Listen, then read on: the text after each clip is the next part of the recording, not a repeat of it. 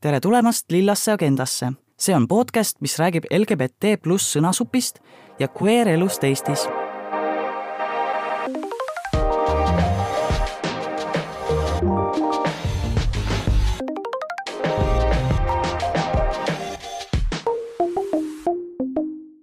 tere, Mel! tere, Paul! tänases Lilla agenda episoodis räägime transstereotüüpidest ja see on jätkuepisood ja sellepärast soovitame kuulajatel kuulata ka eelmist episoodi, Trans abc. seekord äh, keskendume võib-olla rohkem sellele, et mida öelda ja mida mitte öelda, kui mõni sinu lähedane tuleb sulle väljast, kapist välja kui transsooline inimene mm,. täna on meil külas äh, meie kallis sõber äh, Saara Arumetsa, kes on Tallinna Ülikooli filosoofia osakonna magistrant ja kes äh, oma uurimustöös mõtestab äh, transsoolisuse mõistet. tere, Paul! tere, Mel! tere! aga ennem kui me liigume stereotüüpide juurde, räägime natuke ka sõnavarast ja sellisest aegunud sõnavarast.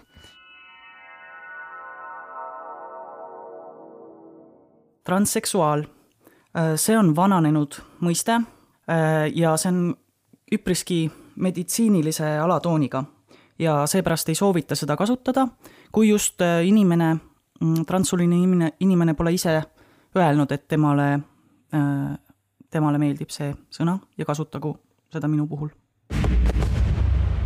transvestiit transvestiit on huvitav sõna selles mõttes, et see tähendab tegelikult äh, midagi väga, väga tavalist ja lihtlabast nagu ristriietuja või siis inglise keeles tähistatakse sõnaga cross-dresser, ehk siis mõni inimene, kes helistab kas siis pidevalt või mingites olukordades kanda mõne teise soo riideid või etendada mõne teise soo rolli.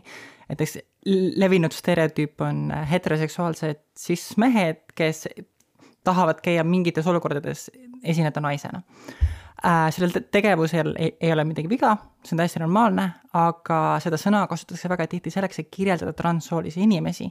aga tegelikult on tegemist kahe täiesti erineva grupi inimestega sõna transvestiit võib olla ka ohtlik selleks, et kirjeldada ristriietujaid. ma väga ei oska sellel sõnal sõna võtta, sest ma ei ole ise, ise selle kogu kogukonna esindajaga, esindaja, aga ma arvan, et ma, ma arvan, et selle sõnaga võiks ka ettevaatlikult ringi käia igal juhul mm võib-olla see on midagi, mis, mille kasutus on pigem levinud sellise vanema generatsiooni juures, et nad kasutavad seda pigem teadmatusest, sest see oli termin, mida nende ajal kasutati või oli levinud ja nad ei olegi, ja aga selle probleem on see, et nagu nüüdseks on sellel suht selline halb konnotatsioon. Ja kui sa seda mulle ütled, siis see teeb tegelikult päris haiget ja just see sõna oli väga levinud Eesti avalikkuses ja meedias üheksakümnendatel ja varastel null-nullindatel tegelikult ja seda kasutatigi just transinimeste kirjeldamiseks ja hmm. ja nagu sa mainisid meil, siis sellel on selline mm, isegi selline erootiline või fetišistlik konnotatsioon, et et inimesed tahavad kuidagi nagu kanda teise soo riideid, et saada nagu mingit erootilist e-, erutust või mi-, midagi nagu see, mis võib mingite inimeste puhul olla tõsi ja selles pole midagi, midagi nagu halba ega, ega valesti, aga jällegi see ei, see tegelikult ei kirjelda adekvaatselt suurem osa transinimeste kogemusi. jaa, täpselt. soo korrigeerimine või soovahetus ähm, on termin, mida Eesti meediale väga meeldib kasutada, aga on vale, sest sugu ei saa korrigeerida ega vahetada äh, siinkohal oleks täpsem äh, termin sooline üleminek või lihtsalt üleminek ähm,, sest see kirjeldab palju paremini seda kogemust, mis tegelikult toimub um,. see võib paljude inimeste jaoks olla voolav, see ei ole mingi sirgjooneline asi, see ei ole võimalik, mida on võimalik lihtsalt meelevaldselt muuta um,. et jah sooline üleminek, aitäh! ja soo korrigeerimine, see, sellel on ka see probleem, et see, see sõna eeldab, et transsoolisusel on iseenesest nagu midagi viga, mis vajab mingisugust parandamist või, või korrigeerimist või mingisugust nagu arstiabi, mis, mis tegelikult jällegi on eksitav ja lihtsustav käsitlus meie eludest. Need olid siis Lilla Agenda sõnavaraminutid. aga liigume siit edasi meie peamise teemaga seekord ja need on äh, transstereotüübid. kuna on palju inimesi, kes võib-olla ei ole kohtunud transinimestega kunagi otseselt, siis stereotüübid on need, mille kaudu levivad need uskumused äh,, kui sa ei ole inimest ise kohanud. ja me oleme siin äh, valinud välja need stereotüübid, mida me ise oleme kuulanud, kuulnud oma elus, mida meie kohta on kasutatud või siis mis on nagu väga levinud ähm,. ja räägime, noh, miks need ei ole väga adekvaatsed ja et kui ma, kui ma tulin siia saatesse, et siis, siis ma mõtlesin, et, et võib-olla üks mõiste, mis võib aidata meil lahti harutada seda, et, et kust need stereotüübid tulevad ja, ja kust võib, võib tulla, ütleme, need küsimused, mida tihti transinimesed kuule, transsoolised inimesed kuulevad, on, on transnormatiivsus. see on võrdlemisi uus mõiste tegelikult ja kõige üldisemalt öelduna tähistab see mingisuguseid normatiivseid uskumusi, eeldusi ja ootusi, mis, mis püüavad siis kõige laiemalt vastata küsimusele, mis asi on transsoolisus kes on transsooline inimene ja mida tähendab sooline üleminek. et, et transnormatiivsus on kahe teraga mõõk, ühelt poolt moodustab transnormatiivsus raamistiku, milles transsoolised identiteedid ja väljendused on mõistetavad ja arusaadavad. näiteks transnormatiivsuse sees on, on, on meil võimalik mõista, et transsooline mees on mees ja transsooline naine on naine ja transnormatiivsus aitab vastata küsimustele, miks ja kuidas. aga teiselt poolt transnormatiivsus on väga kitsas, ta ei, ta ei luba väga palju identiteete ja ta, ta ei luba väga palju erinevaid äh, väljendusi, sest et selles raamistikus on transinimesed mõistetavad transsooliste inimestena ainult siis, kui nad järgivad ühiskonnas kehtivaid soolisi norme. ehk siis näiteks transmeest nähakse mehena ainult siis, kui ta tõepoolest käitub mehelikult. ja e-, etendab seda maskuliinset rolli veenvalt ja usutavalt. ja, ja muidugi sellised ühiskonnas kehtivad soolised normid ei anna mittebinaarsete, mittebinaarsetele identiteetidele mitte mingit ruumi. ja miks mulle transnormatiivsuse mõiste meeldib, on see, et ta on tihedalt seotud heteronormatiivsuse mõistega ja, ja või, või siis öelda, et transnormatiivsus on heteronormatiivsuse kas nagu laiendus või ta on isegi nagu see spetsiifiline viis, kuidas heteronormatiivsus mõjutab spetsiifiliselt transinimesi oh. no. ja mulle nagu meeldis see idee sellest, et tegelikult nagu transinimestelt oodatakse sookonformsust väga lihtsal põhjusel, sest meilt kõigilt oodatakse sookonformsust. transsoolised inimesed ei ole mingisuguses unikaalses positsioonis, kus neilt oodatakse midagi, mida teistelt ei oodata. küll aga võib juhtuda nagu see, et neid võib mõjutada heterotransnormatiivsus tugevamalt kui, kui võib-olla sissoolisi inimesi, sest et meie peame kuidagi nagu veenma teisi, et me tõepoolest oleme need inimesed, kes me ise nagu väidame end olevat. et see usutavuse küsimus on siin nagu nii oluline, kas me suudame esitada oma soolisust ja selgitada oma soolisust viisil, millest teised saavad aru? Mm.. kas siin võib ka see olla, et kui näiteks transinimene ei konformeeru, kas see on sõna?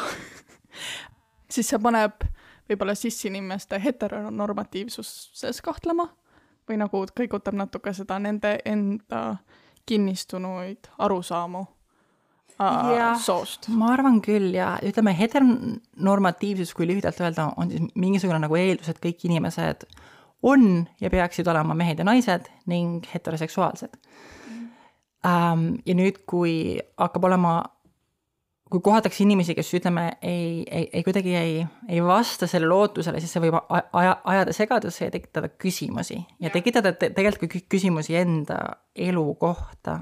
Mul seostus selle transnormatiivsusega see, et kui näiteks ähm, äh, päris, päris nagu ülemineku alguses olen ma tähel-, vaadanud nagu, et äh, transmeeste puhul näiteks nad on hästi üritavad nagu ma isegi, ma tundsin, ma mängisin sellist rolli, et ma olen nagu hästi, püüdsin olla hästi nagu maskuliinne. see, kuidas ma räägin äh,, nagu hästi madala häälega niimoodi ja, ja siis äh, äh, kuidas ma riietun ja žestikuleerin, mis on noh, millest ma räägin, on ju, et sa üritad nagu sobituda. aga mida ma olen tähele pannud siis, mida aeg edasi, siis nagu need transmehed, keda ma olen jälginud internetis, nad nagu muutuvad vabamaks, nad hakkavad katsetama ka te-, ka nagu sellise androküünsema või feminiinsema väljendusviisiga. Nende eneseväljendus muutub mitmekülgsemaks. et ja transnormatiivsusega ongi selles mõttes, et, et kui nad tunnevad ennast nagu juba et neid võetakse rohkem mehena, siis nad julgevad ka rohkem äh, katsetada. just, nad ei pea enam nii palju tegelema teiste veenmisega, eks. just, nad ei pea enam mm -hmm. nagu, inimesed nende ümber on nagu õppinud nagu arvestama ja seda näevad neid juba mehena, siis nad, siis nad saavad nagu vabalt ennast väljendada. avastada kõiki neid erinevaid viisi, mis on olemas meheks olemises, eks. jaa, täpselt, et nagu kui ka cis-inimeste, noh, ma toon näitena naised, on nagu nii palju erinevaid tüüpi naisi, on nagu maskuliinsemaid, feminiinsemaid ähm,, siis miks transinimeste seas ei või sama olla? jah, just. aga ta, ta on keerulisem küsimus, sest me, me oleme harjunud sugu seostama sellist äh, ja nagu mingite käitumismaneeridena ja isegi selliste küsimuste, millest sa oled huvitatud ja kõik see. ja siis kuidagi ja kui sa teed midagi, mis ei ole siis sinu sooga vastuolu, siis transsooliste inimeste puhul see vastuolu on tugevam, ma ütleksin ikkagi. siit on võib-olla hea edasi minna meie peateemaga ja see on stereotüübid ähm,. kuna võib-olla paljud inimesed ei olegi otseselt kohanud transinimest, aga kindlasti on kuulnud stereotüüpe. ja esimene selline stereotüüp on, aga sa ei näe välja nagu transinimene. Ja arvatakse, et see on kompliment see on väga huvitav, huvitav stereotüüp nagu selles mõttes, et, et kohe tekib küsimus, okei okay,, aga milline näeb välja üks transsooline inimene mm, -hmm. et et, et, et kui keegi ütleb seda, siis on ilmselge, et sellel in, inimesel on oma peas mingisugune pilt mingisugusest transsoolisest inimesest. võib-olla see on isegi mingi päris transinimene, keda ta on meedias näiteks näinud või mm -hmm. kus iganes. aga, ja siis nüüd ta kohtab sinuga, sind ja üritab sind sobitada selle pildiga, mis tal on mm. -hmm. ja ja tema mõistus lihtsalt lööb errorisse, sest et see ei klapi. ja, ja, ja, ja kuna, ja kuna see pilt on tõenäoliselt, tema pilt transsoolisusest on tõenäoliselt võrdlemisi negatiivne, siis ta arvab, et kui ta kuidagi tõstab sinu sellest transsoolisuse kastist välja, siis ta justkui nagu teeb sulle midagi head või kuidagi premeerib sind või annab sulle komplimendi ja see on nii huvitav. et ma, et ma nagu soovitakski inimestel mõelda, et milline pilt neil on transsoolisest inimesest ja suhtuda sellesse kriitiliselt, küsida, kust see tuli, miks see on selline mm. -hmm. see on väga hea küsimus. ja et ma arvan, et ka meile endale. jaa, et transnaised ei võrdu alati feminiinsus, transmehed ei võrdu alati maskuliinsus ja mittebinaarsed inimesed ei võrdu alati androküünsus, et siin on ähm, voolavust ja varieeruvust ja see sõltub nii palju inimesest, mis tema jaoks tundub õige. seega ei ole nagu ühte kasti, millesse on võimalik inimesi panna ja see võib-olla teeb äh, raskeks, sest nagu stereotüüpidega on see, et nii kerge on inimesi kasti panna mm. -hmm. aga tegelikult... transteemat ei ole võimalik kasti panna ja et stereotüübid on tegelikult ka nagu head asjad, sest nad aitavad meil väga keerulises sotsiaalses maailmas nagu toime tulla ja teha väga kiirelt mingisuguseid otsuseid. aga jah, me võime väga kergelt koperduda nende otsa, kui me ise ei suhtu nendesse kriitiliselt mm. -hmm. ja, ja muidugi see transnormatiivsuse mõiste on nagu siin küsimuses kuidagi eriti tu tugevalt kohal, sest et siin on, selles küsimuses on nagu see eeldus, et transsooliste inimeste nagu selle ülim eesmärk on sulanduda massi. ehk siis selles mõttes, et, et kuidagi etendada usutavalt ja veenvalt seda cis-inimese rolli. jah, ja, ja siin tuleb nagu mõned aastad tagasi või isegi ilmselt rohkem juba oli väga see kuulus meem, mis on see attack helicopter ehk siis rünnaku helikopteri ah, meem. et äh, ma arvan, et see oli isegi siis teemaks, kui ma veel, kuna ma ei olnud tulnud kapist välja või ma ei teadnudki, et ma olen transsooline, siis oli see, et oi-oi, meil on nüüd äh,, igaüks võib öelda, et ta on, ma ei tea, et ta ongi rünnaku helikopter või, või äh, lohe või, või ma ei teagi, kes, on ju, et äh, et see tekitas nii suurt, suurt arusaamatust ja nagu sa ütlesid, täpselt sellist errorit inimeste peas, et kuidas, kuidas see on võimalik, et inimene ise teab, kes ta on. Et siis, siis tekkis see, tekkisid sellised meemid. Yeah.. nagu näita mulle ühte inimest, kes tõsiselt, päriselt ka määratleb ennast attack helikopterina nagu. ja isegi kui ta määratleb, siis, siis siin, siin on kohe nagu väga suur probleem, mida filosoofias nimetatakse kategooria veaks. sugu ja helikopter on täiesti erinevad asjad. jaa, täpselt sa ei saa võrrelda neid oma argumendis, see argument ei toimi lihtsalt. jaa, see on juba teine identiteedi kategooria, noh. see rünnaku ja, helikopter. kuidagi, ta on selles mõttes isegi nagu keeruline, see rünnaku helikopter ei ole isegi identiteedi kategooria kusjuures ma ei teadnud, et selline asi nagu, ma ei ole eesti keeles kunagi kuulnud sellist sõna nagu rünnaku helikopter jumala eesti keeles sellist asja ei sest olegi. Eestil ei ole võib-olla rünnakuhelikopterid, aga ilmselt on. lilla agenda sõnavaraminutid NATO, ups, jätkuvad ärme, ärme sinna lähe igaks juhuks. järgmine on siis, stereotüüp on see, et äh, transinimese kohta oled sa väga atraktiivne. et ähm, no see on jällegi, läheb sinnasamma, et mis, mis äh, kujutluspilt sul on transinimestest. et milline on jällegi atraktiivne inimene ja millised on need äh, stereotüübid näiteks cis-inimestele, et millised inimesed on ilusad. ja kuna ei pruugi transinimesed mahtuda nendesse kastidesse nagu siis naine või siis mees, siis, siis, siis neid ei nähta atraktiivsena. Ja kui sa just vastad näiteks sellisele ideaalsele näiteks äh, mehelikkusele või et, või maskuliinsusele ja sa identifitseerid näiteks transmehena, no mitte näiteks, sest ma olen, ilmselt kõik mu näited on seotud sellega, ja keegi ütleb sulle niimoodi, siis see, siis see justkui peaks olema jällegi kompliment, aga see ei ole seda mitte, sest ma olen transinimene, ma ei saa seda muuta ja kui sa ütled, et oo, näed, transinimese kohta sa oled atraktiivne, siis see on nagu sa oled jälle mingisugusel, sa oled nagu võitnud mingisuguse pronksmedali või, või isegi mitte pronksi, said neljanda koha, on ju. ja see on, see on jälle nagu selline olukord, kus inimene kuidagi nagu arvab, et transsoorisuses on midagi valesti ja kui ma ütlen sellele inimesele, et, et ta on kuidagi nagu teistsugune kui see tavaline transsooline inimene, siis see on kuidagi nagu kompliment, aga see on nagu niisugune väga huvitav kompliment, et sa kõigepealt ründad mu kogukonda Jah. ja siis arvad, et selle kaudu on võimalik mind, mulle kompliment teha, et see Nagu- on väga huvitav. kui sa arvad, et ma olen atraktiivne, siis lihtsalt ütle, et ma olen atraktiivne. ja The end. jäta välja see transinimene transinimene nagu, nagu sa ütleks cis-inimesele. või noh, selle alla läheb ka see, et oo, ma ei olekski aru saanud, et sa oled transinimene.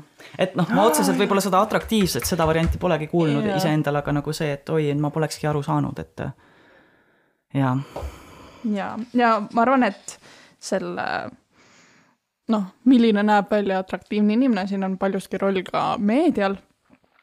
vähemalt nagu Eesti kontekstis ähm, noh, proovitakse teha teema väga sensatsiooniliseks äh,. kui valitakse pilte kogukonnas, siis on enamasti nagu inimesed, kes näevad kõige-kõige erinevat normist välja ja tehagi nagu näe, see on täitsa teist tüüpi inimene tulnukas, tadaa äh,.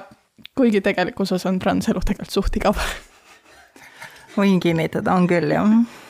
noh, hiljutises, hiljutise näite võib tuua nagu Elliot Page'i kohta, kus ma jälgisin nagu Eesti meediakajastust ja nagu kõik asjad, mida sa suudad valesti öelda, olid pandud ühte artiklisse kirja nagu selline nagu musternäide, mida mitte kunagi öelda äh,. arenguruumi on mis oligi nagu kahju oli näha, et nagu kui vaadata nagu ülemaailmselt seda meediakajastust Eliotist, siis see oli suhteliselt selline respekteeriv, ei kasutatud vana nime, räägiti tast kui ainult Eliotist ja seda oli nagu väga tore näha. Ja siis sa vaatad Eesti meediat, kus nagu ikka kasutatakse selle inimese vana nime ja väljendeid nagu, mis on aegunud, mis ongi, sa näed seda arenguruumi lihtsalt. kas seal oli öeldud, väljendit näitlejanna, eks. jaa, ma just tahtsin küsida, et kas seal oli sõna näitlejanna juuksurianna. ja noh, siit tulevad järgmisena sellised, mis on tavaliselt seotud sugulastega, sellised väljendid nagu või, või sellised laused, et ähm, sa olid nii kena tüdruk slaš poiss oi,, oi-oi-oi, et miks sa, miks sa tahad seda, miks sa tahad üle mine-, miks sa tahad üle minna. Ja noh, see läheb väga sügavale hinge, see võib mõjutada äh, transinimesi vastu võtmast endale selliseid vajalikke otsuseid nagu hormoonravi või äh, operatsioonid, mis üldsegi nagu enne öeldud, ei ole asjad, mida kõik transinimesed tahavad, aga kui sa nagu reaalselt tahad neid, aga keegi ütleb sulle niimoodi, siis hakkad nagu endas kahtlema, et oot-oot, et kas see tähendab siis, et kui ma hakkan neid hormoone võtma, et ma siis enam ei ole nagu kena.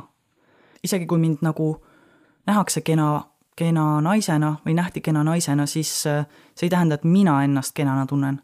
või, või et äh, minu enda enesepilt oleks nagu kooskõlas sellega, kellena ma iseennast näen. üks mu kunagine tuttav nägi pilti ühest transmehest äh, ja ütles tema kohta, et oi, issand jumal, et kuidas, kuidas on see võimalik, et keegi üldse tahab saada selliseks ähm, äh, kõhukaks ja kiil-, kiilakaks meheks. et nagu ilmselgelt see oli seotud selle inimese enda hirmudega ja see näitab tema kohta midagi, et tema ei taha nagu, tema ei taha saada meheks. aga, aga noh, sellised laused jälle jätavad meelde, et oi-oi, et kui ma hakkan nüüd hormoone võtma, siis nagu ma muutun ka koledaks ja inimesed arvavad, et ma olen kole.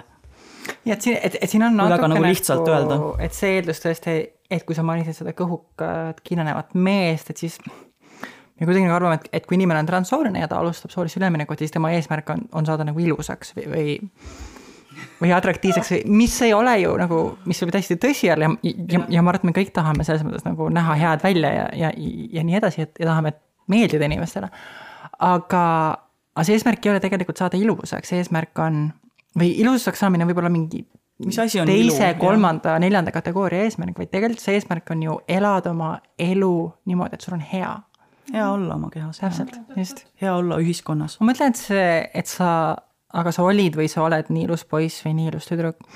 ma arvan, et siin võib olla nagu, et eriti kui see tuleb vanematelt või sugulastelt ähm, või lähedastelt te, teistelt lähedastelt inimestelt, et siis või, võib olla ka sihuke oluline leinamoment, ma arvan mm. -hmm. et need inimesed ähm,, et need lähedased inimesed teavad sind mingit tüüpi inimesena, kes neile meeldis ja nad kardavad seda kaotada. Mm ja, või neil oli mingisugune teatud tüüpi ettekujutus sinu tulevikust mm, millest nad, võib-olla ei ole õigustatud öelda, et nad jäävad sellest ilma, aga ma arvan, et see tulevik saab olema teistsugune, kui nemad ette kujutasid. Ja ma arvan, et see nagu, see on okei okay ja ma arvan, et selles olukorras on okei okay leina tunda ja -hmm. ma arvan, et see on igati ja, nagu ja, normaalne reaktsioon.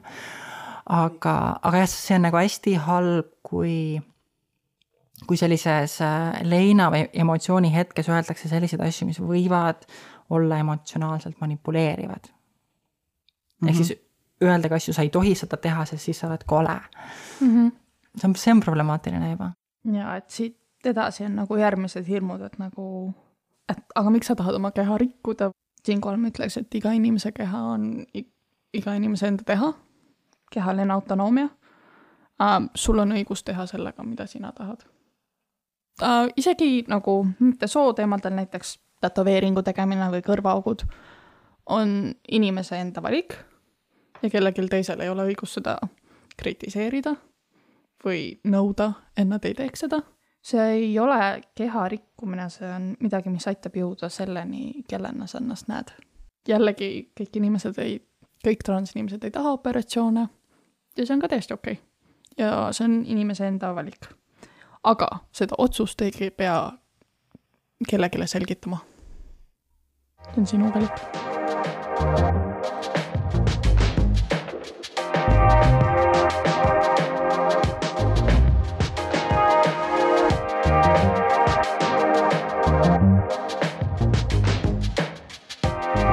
siit tuleb ka küsimus või stereotüüp, et noh, jah, see on pigem selline nojah, see on stereotüüp ikkagi, et see küsimus, et et kui sa ütled, et aa, et ma olen trans, siis võib-olla kui inimesed saavad sellest teada, siis ka esimene selline mm, paralleel, mis neil tekib, on, et kas sa tahad teha operatsioone, kas sa tahad hormoone võtta.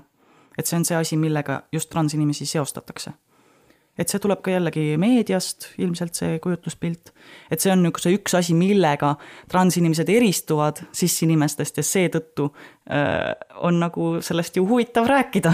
ja tegelikult isegi väga küsida. ei eristu. ja ei eristu, sest sellepärast, et äh, kallid cis-inimesed, ma olen käinud äh, äh, ilukliinikus ja ma tean, et te teete palju rohkem operatsioone kui transinimesed Shade ja et, et see, et see, et see on jah nii huvitav, et, et, et sa saad teada, et keegi inimene on trans ja siis sinu esimene küsimus on, et ähm, ongi, et, et kas sa plaanid teha operatsioone? Ja see on, see on, see on nii huvitav, et, et seda võetakse nagu sellise neutraalse küsimusena, aga nagu ma, ma, ma mõtlen, ma, ma, ma kujutan ette, et ütleme, et ma ei tea, seesama inimene kohtub äh, sissulise naisega, kellel on väiksed rinnad. kas siis tema esimene küsimus on, et aa, ta on tõenäoliselt rahulolematu oma väikeste rindadega, ma küsin, kas ta plaanib neid suurendada. esimese asjana ma tuletan meelde, enne kui sa seda inimest tundma õpid. just, aga jällegi, see on, see, see on olukord, kus suure, suure, suure tõenäosusega see väikeste rindadega naine ei tunne end üldse halvasti, issand jumal, ta saab kõhuli magada. see imeline. väiksed rinnad on head, on ju. et ja muidugi noh, see. suured ka. just igat tüüpi on head. keha on okei um,. aga, aga et, et, et kuidagi see eel, see eeldus, et, et sa lähed nagu nii privaatse, nii isikliku asjaga lihtsalt nagu lendad inimesele näkku mm. -hmm. ja sest, et see, see, see, see küsimus ju iseenesest sisaldab juba nagu väärtushinnangut see on, see on nagu küsimus, kui, sest et minu jaoks see küsimus on nagu, et sa peaks. aa, ja, ja, ja, et seal on see, et oi, ma vaatan sind, et oi, sa vist peaks kindlasti see ei pruugi selle küsimuses olla, aga ikkagi. kui räägitakse ka nagu nii-öelda sellest ähm, alakehast, siis äh, küsitakse ka nagu äh, suguelundite kohta. see on nagu, kas sa tõesti küsiksid nagu kellegi käest sellist küsimust nagu, et äh, kes oleks cis-inimene, nagu et mi-, mida ta plaanib teha oma alakehaga. mis on su viie aasta plaan kus sa näed ennast viie aasta pärast oma alakehaga? et see on super, super isiklik teema. et paluks mitte küsida, et õnneks mul nagu selle, selle, üks inimene on küsinud nagu otse selle kohta. see oli suht siis, kui ma tulin kapist välja. ma ei tea, kui sa selle inimesega ei maga, siis see pole sinu asi nagu järgmine põletav küsimus on, kellena sa sündisid? Paul? Äh, mina sündisin päkapikuna. See aasta läksid jõulud kuidagi nii ruttu mööda, et nagu ma tunnen, et see päkapikk minus veel elab. see on nii, see on nii lahe küsimus minu arust nagu selles, võib-olla mitte tavapärases lahe mõttes, aga mida tegelikult küsitakse? et mind nagu päris huvitab, et mida selle küsimusega nagu tegelikult teada tahetakse, kas seda, kas sind tahetaksegi teada, et nagu millised suguelundid sul on mm.? eks, eks siin küsimuses on peidus kindlasti jälle see selline. et kuidas sinusse su suhestuda mm, ilmselt kuidas see. sinusse suhestuda ja mis siin nagu mängu tuleb, ma arvan, on ka see, et meil on selline arusaam ähm, soost kui väga lihtsast asjast, ehk siis küsimusele mis soolisena sa sündisid, arvatakse, et sellel on väga lihtne ühene vastus, kuigi nagu tegelikult jälle sugu on päris keeruline fenomen. Ja ma arvan, et me, me, me isegi väga hästi ei tea, mis tüüpi fenomen on, sest sellel on, sellel on, on bioloogilised tähendused, meil on mingi hunnik bioloogilisi näitajaid, mis me oleme nagu grupeer-, grupeerinud mõiste soo alla. Sellel on teatud sotsiaalsed tähendused, jällegi mingi rida sotsiaalseid eeldusi ja ootusi, mida me grupeerime soo alla, sellel on sügavalt isiklikult tähendused, mida tähendab olla mingi, mingi tüüpi sugu ja et ja need kõik kolm asja võivad, et nagu mitte ükski neist kolmest asjast ei ole iseseisvalt lihtne, rääkimata, kui me paneme nad kõik kokku, nii nagu in-, noh, inimesed elavad oma elusi kehadena sotsiaalses maailmas iseendana mm. -hmm. siin on terve kompott asju, mis on väga keerulised minu arust ja, ja see küsimus, kellena sa sündisid, eeldab mingit väga lihtsat vastust, mida minul näiteks ei ole pakkuda inimestele. ja minule meeldis ka see mõte, mida sa enne rääkisid, kui me siin enne saadet rääkisime, et, et me paneme liiga palju raskust paljunemisele. kui ma üritan lihtsustada soofenomeni enda jaoks, siis nagu bi bioloogilises mõttes on järglaste saamise jaoks see eristus tehtud, eks et meil on nagu laias laastus kahte tüüpi inimesi, ühel on munarakud ja teisel on seemnerakud ja nende kokkutulemisel on võimalik uus elu. aga nüüd jääb minu jaoks nagu arusaamatuks, et, et miks sellel on sotsiaalsed tagajärjed. et miks munarakuga inimene peab olema teatud moodi ja miks seemnerakuga inimene peab olema teatud moodi. see jääb minu jaoks nagu arusaamatuks, et me muidugi võtame selle väga primaarse järgliste saamiste süsteemi, mis imetajatel on, ja me kuidagi loome selle põhjal terve sotsiaalsete, sotsiaalse hierarhia, mis tundub minu jaoks täiesti ebavajalik. hiljuti sain kusjuures teada, et, et, et kaasaegses bioloogias äh, määratakse inimeste ja teiste imetajate sugurakke niimoodi, et suurem kuulub emasele ja väiksem isasele mm,. Okay. ja kui see peaks evolutsiooni tulemusel muutuma, et seemnerakk kasvab munarakust suuremaks, siis see tähendab, et seemneraku kandja on emane. hmm. et jällegi Interesting. evol-, bioloogia evolutsioon on ka voolav. ja midagi ma nägin selle kohta ka, et, et need seemnerakukesed, et nad ei ole, nad, neil ei ole tegelikult mingisugune selline kapitalistlik võistlus või ütleme, neil ei ole selline võistlus selle munaraku poole, et nad lihtsalt kuidagi, lihtsalt kuidagi kulgevad seal. et, et see ei ole mingi selline, Chilling. jah, selline sprint. ja, ja, ja, ja muidugi ka see, et tegelikult munarakk ei, ei, ei, ta ei ole selles positsioonis, kus istub ja passiivselt ootab, et keegi tuleks, ta tegelikult osaleb selles protsessis väga aktiivselt. Mm, seda ma ei teadnudki. ja see on huvitav, ma ei oska nüüd päris detaile rääkida Jaa. aga, aga jah, see on palju, jällegi palju, palju keerulisem kui see, mis me tavapäraselt arvame. ehk siis, kellena sa sündisid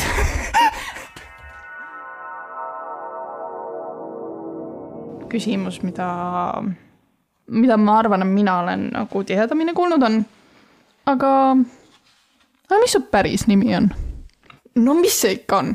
minu nimi on selline natuke ebatavaline, see ei ole klassikaline Eesti nimi meil äh, kui see uudisena tuleb äh,. ja siis, ja siis küsitakse ka nagu, ma tutvustan end, hei, minu nimi on Mel ja siis keegi on, oota, aga mis see nimi on?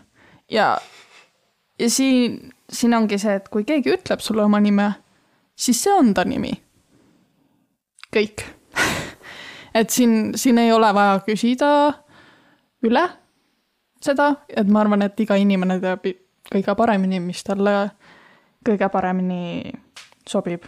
et nagu võib-olla äh, üks lugu sellest, et kui ma nüüd siin paar kuud tagasi kandideerisin erinevatesse töökohtadesse, siis üks tööandja leidis, et see on ikka väga huvitav fakt, et mu nimi on Mel ja ta rääkis sellest mingi viisteist, kakskümmend minutit ja siis ma nagu mm, -hmm, see tõesti on väga huvitav. ma ei ole varem kunagi rääkinud sellest. ja siis ta oli kuidagi otsinud üles ka mu vananime ja arvas, et see on okei okay teema, millest rääkida siis sa oledki väga veidras positsioonis, et kas ma peaks rääkima, et ma olen trans. et nagu, kuidas öelda, et see ei ole okei okay, ja siis nagu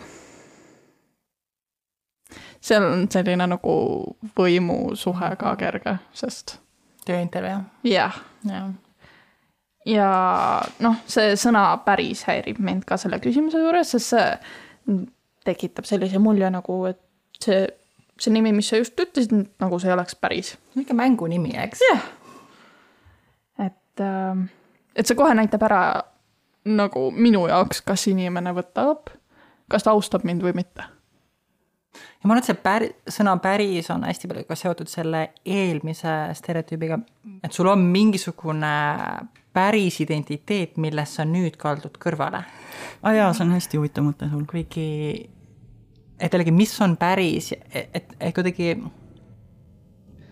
et mis on päris ja mis siis on näiline. sihuke vana, väga vana filosoofiline küsimus ja, ja käsitleda nagu mingisugust sellist äh, sünnipäraselt, sünnil antud nime päris ja sinu enda valitud nime sellise mängu või näilisena, et see on ka selline natuke lugupidamatu mm -hmm. minu arust ikkagi. ja, ja nagu inglise keeles on selline väljend nagu dead name või nagu surnud nimi, ma ei teagi, mis see eestikeelne õige tõlge oleks. aga see on põhjusega selline väljend, see vana nimi on vana. ja see võiks ka jääda sinna. et kui sa tead inimest tema vana nimi, vana nime järgi ja ta ütleb sulle, et nagu hei, ma tegelikult tahan, et mind kutsutaks nii, siis palun ära kasuta seda vana nime. see on läinud. Easy as that ja ma arvan, et see ongi lihtsalt kõige lihtsam lugupidamise küsimus. isegi kui sa ei mõista, miks vana nime kasutamine võib teha haiget ja sul on okei, kui sa seda ei mõista um,, siis austa seda inimest. kasuta seda nimi, nime, mida ta tahab, et sa kasutaks. just, just. sul, sul võibki olla raske mõista, sest sul endal pole seda kogemust. sest sulle su enda nimi sobib.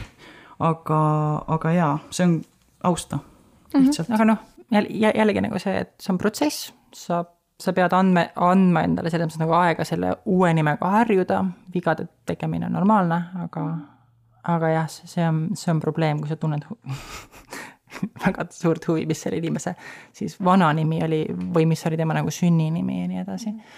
et minu endal on suhe selle nime teemaga on selline, et miks mulle isiklikult ei meeldi, kui kasutatakse mu, mu vana nime, on see, et ma ei taha elada topeltelu. ma ei taha olla ühtedes situatsioonides üks inimene ja teistes situatsioonides mingi teine inimene. ja ma arvan, see on normaalne, et me oma eludes täidame väga mitmesuguseid rolle, aga nimi on midagi nagu palju isiklikumat kui no see kui kokku- sotsiaalne roll. ja seo-, just. seob kokku kõik need erinevad Just, äh, täpselt, rollid, mida sa erinevate inimestega, mida me kõik teeme. just, ja siis, kui kasutatakse seda vana nime, siis ma kuidagi, see on jah, keeruline positsioon, milles olla, sest et sa justkui nagu, sind taandatakse mingiks teiseks inimeseks mm. -hmm. kes sa enam ei ole mm. -hmm. jaa, täpselt. ja sellega läheb hästi kokku ka järgmine punkt, mis on see, et ma olen nii harjunud su nimega. minu, mul on raske seda uut nime õppida, et mina ikka ju võin sind selle teise nimega ku- kutsuda. et mina, mina olen sul ikka ju nii hea sõps. ja noh, võib ka tekkida vanematel see, mis on arusaadav, et nad panid kunagi selle nime ja neil on raske sellest lahti lasta. ja noh, vanemate puhul ongi see, et noh, ma arvan, et neil tuleb palju seda ette, et ma ise pole vanem, aga et sa pead lahti laskma oma unistustest sellele lapsele ja samamoodi ka on nimega, et kui ta tõesti tunneb nii suurt ebamugavust, siis palun kutsu teda uue nimega ja sa harjud sellega ära. ja siis sa mõtled hiljem, et issakene, et kuidas see mulle nüüd nii raske oli. jällegi, see on jah, sihuke protsess. aga jah, see on protsess, et vigu ikka võib teha ja, ja see ongi raske ilmselt. Ja ma arvan, et mi- mis on siin ka nagu oluline, on see, et ähm, me tavaliselt ei harju asjadega nagu iseenesest. et me tavaliselt nagu peame aktiivselt osalema selles protsessis, et me harjaksime sellega. ja sellepärast ongi oluline see, mis sa, Paul, ütlesid, et, et, et, et, hakka kasutama seda uut nime ja see muutub ajapikku lihtsamaks.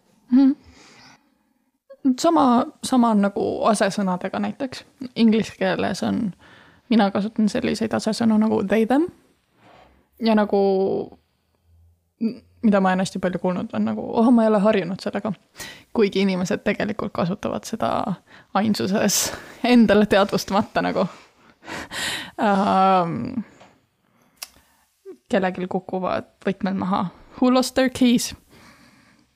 tadaa tegelikult ei ole midagi rasket, eks. jaa, täpselt, et, et aga mida nagu ma arvan, et alguses ka minul oli nagu natuke harjumist sellega, sest ikkagi uued asesõnad, mida keegi ei ole nagu varem sinu kohta kasutanud, aga mida rohkem nagu sa kasutad neid, seda nagu kergemaks see muutub ja no nagu loomulikumaks.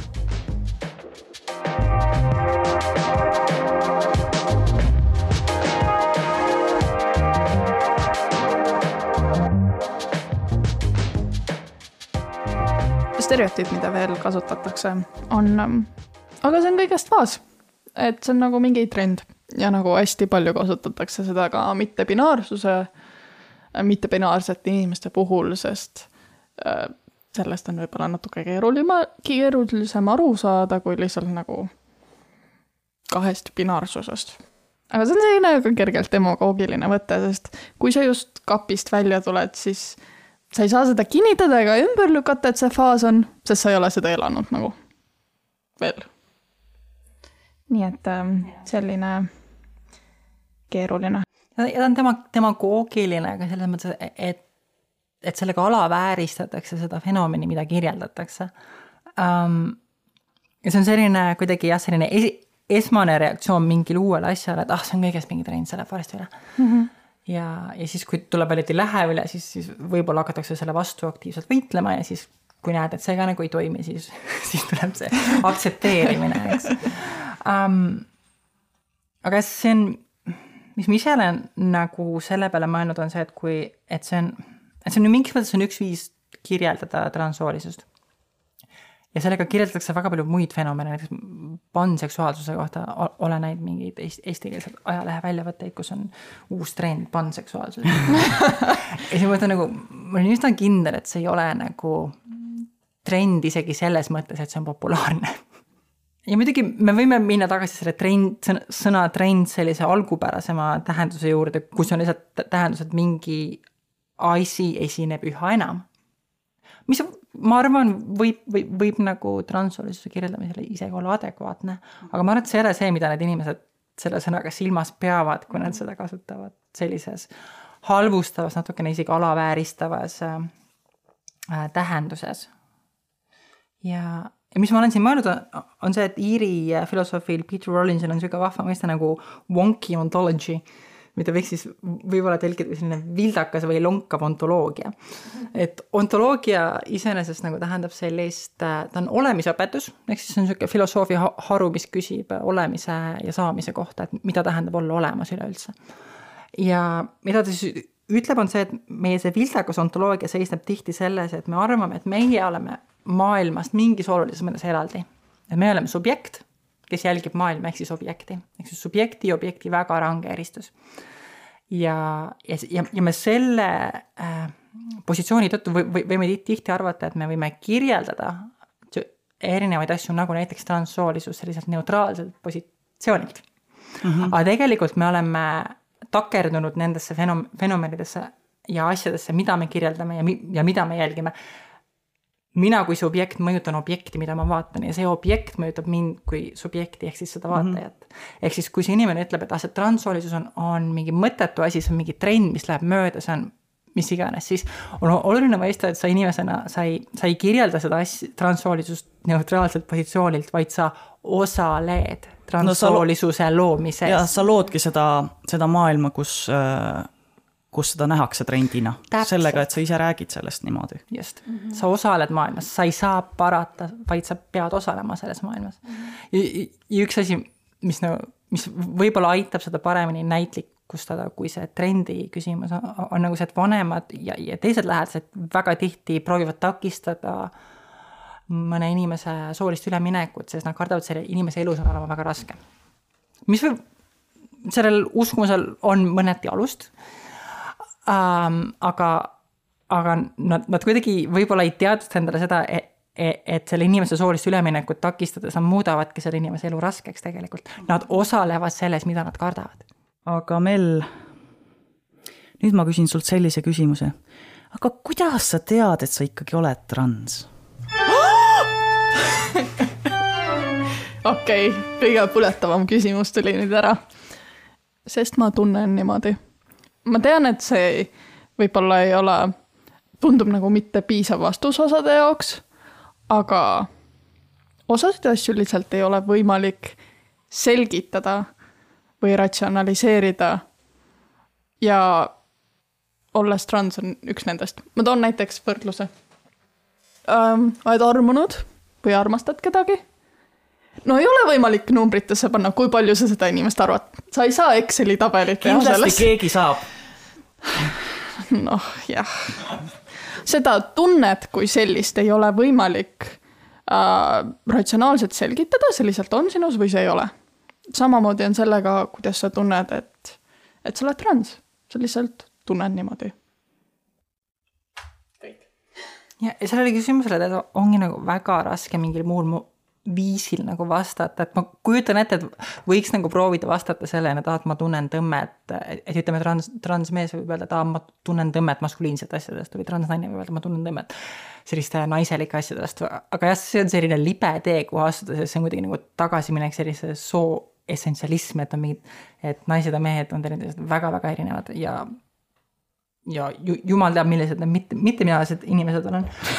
ei tea jumal ei tea midagi aga ja, et seda ei saa tegelikult, seda on väga raske sellele küsimusele vastata mm, -hmm. midagi enamat kui see, mis sa meile mm -hmm. ütlesid tegelikult. jaa, no see võikski ja. olla see vastus, millest piisab iseenesest mm. -hmm. sest et enamasti me tegelikult lepime selliste, et ütleme selline, kui me mõtleme sootunnetuse peale, siis see kuidagi nagu paistab olevat selline asi, mis on kättesaadav ainult nagu inimesele endale, mingi sisekaemuse kaudu. ja, ja me kuidagi nagu, meie ühiskonnas me, me tavaliselt nagu austame inimese selliseid isi, isiklikke tunnetusi. ma mäletan ühel tööalasel koosolekul ma ütlesin, et, et mul on külm. ja siis üks teine inimene vastas, ei ole sest ju ta eeldas, et ma ütlesin, et siin ruumis on külm ah, või, aga jah. temal ei olnud külm ja siis mul ka ei see, olnud. see on ka jällegi väga hea paralleel, see yeah., see temperatuuri tunnetamine, sest mm. -hmm. inimesed tunnetavad seda nii erinevalt. väga erinevalt jah. nüüd me oleme rääkinud paljudest stereotüüpidest, paljudest asjadest, mida on võimalik valesti öelda ja siis, siis võib-olla, aga tekibki hirm, oi, aga mis juhtub siis, kui ma ütlesingi midagi valesti. no ja me terve tund aega siin räägime, mida nagu mitte rääkida ja siis nagu tekibki küsimus, et mida ma siis üldse võin öelda, on ju. jah, jah. et äh, võib-olla lõpetuseks räägime lihtsalt kiiresti, et nagu kuidas sa saad toetav olla ja nagu mida teha siis, kui juhtuski nii, et ütlesid midagi valesti. no kui sa näiteks ütlesid inimese vana nime, siis äh, vabanda ja liigu kiirelt edasi ja ütle ta nagu õige nimi uuesti, kindlasti. et äh, me ei ole perfektsed ja, ja keel vääratab ja lihtsalt äh, ütle õige nimi uuesti ja siis äh, inimene näeb, et sa tegelikult nagu tead ja tahad olla toetav ja minu jaoks, ma arvan, siin ongi kõige tähtsam näha, et nagu, et sa tegelikult oled toetav. et sellest ei pea nagu suurt diili tegema. Et oi, ma vabandan nüüd, sorry, tuhat, tuhat, tuhat vabandust ja siis, ja siis sa liigud edasi, et lihtsalt ütle nagu ai, sorry, Mel ja liigu edasi ähm, nagu ikka saan aru, lihtsalt nagu peamine asi on näha, et nagu, et see ei tulnud nagu halvast kohast mm. -hmm. et nagu, et sa oled tegelikult toetav. või nagu sul on mingeid küsimusi reaalselt vaja teada, siis noh, kasvõi seda, et kuidas, kuidas sa tahad, et ma sind kutsuksin või või sa oled nagu väga lähedane inimene, sa tahad lihtsalt teada, kuidas toetada, siis nagu meil ongi väga raske öelda, et, et mida täpselt teha, et küsi selle inimese enda käest. alati, kui sa ei tea, siis küsi, et mida ma saan teha, et, et sind aidata, kuidas ma peaksin sinu peale pöörduma, kas on midagi, mida sa ei taha, et ma ütleksin või küsiksin ja kui inimene ütlebki, et ei ja sa küsid mingi küsimuse, ta ütleb, et ta ei taha sellest rääkida, siis aktsepteeri seda lihtsalt. ja, ja küsi neid küsimusi kindlasti nagu nelja silma all. et, et siis on nagu see suurem tõenäosus, et see inimene tunneb ennast ka turvaliselt, et, et ennast avada ja sulle nendest asjadest rääkida. ja ja jah, just, lase inimesel endal määrata see, et äh, mis on tema piirid, millest ta tahab rääkida, millest ta ei taha rääkida. võib-olla nagu noh, sellised spetsiifilised asjad, mida ka sissinimesed saavad teha, näiteks on sotsiaalmeedia äh,. tavaliselt näiteks Instagramis on selline väike bio, lisa oma asesõnad sinna. see normaliseerib asesõnu kõikide inimeste jaoks äh,. hari ennast. Ja ära palu oma lähedastel transinimestel teha seda harimist sinu eest no selliste nagu baasasjade jaoks on tõesti nagu Google olemas. ja et nagu kõige tähtsam asi ongi see sinu soov või heatahtlikkus ja see trumpab nagu kõik üle. mina ütleks nii. aga sellega tõmbamegi otsad kokku. aitäh, Saara, et sa tulid meile saatesse. aitäh, et kutsusite. aitäh, Mel. aitäh, Paul. tänaks veel äh, Instagramis sellist äh, inimest nagu Pink Manta Ray, kelle postitusest saime inspiratsiooni stereotüüpide kohta. aitäh teile, kuulajad, et te meid kuulasite ja kohtumine järgmine kord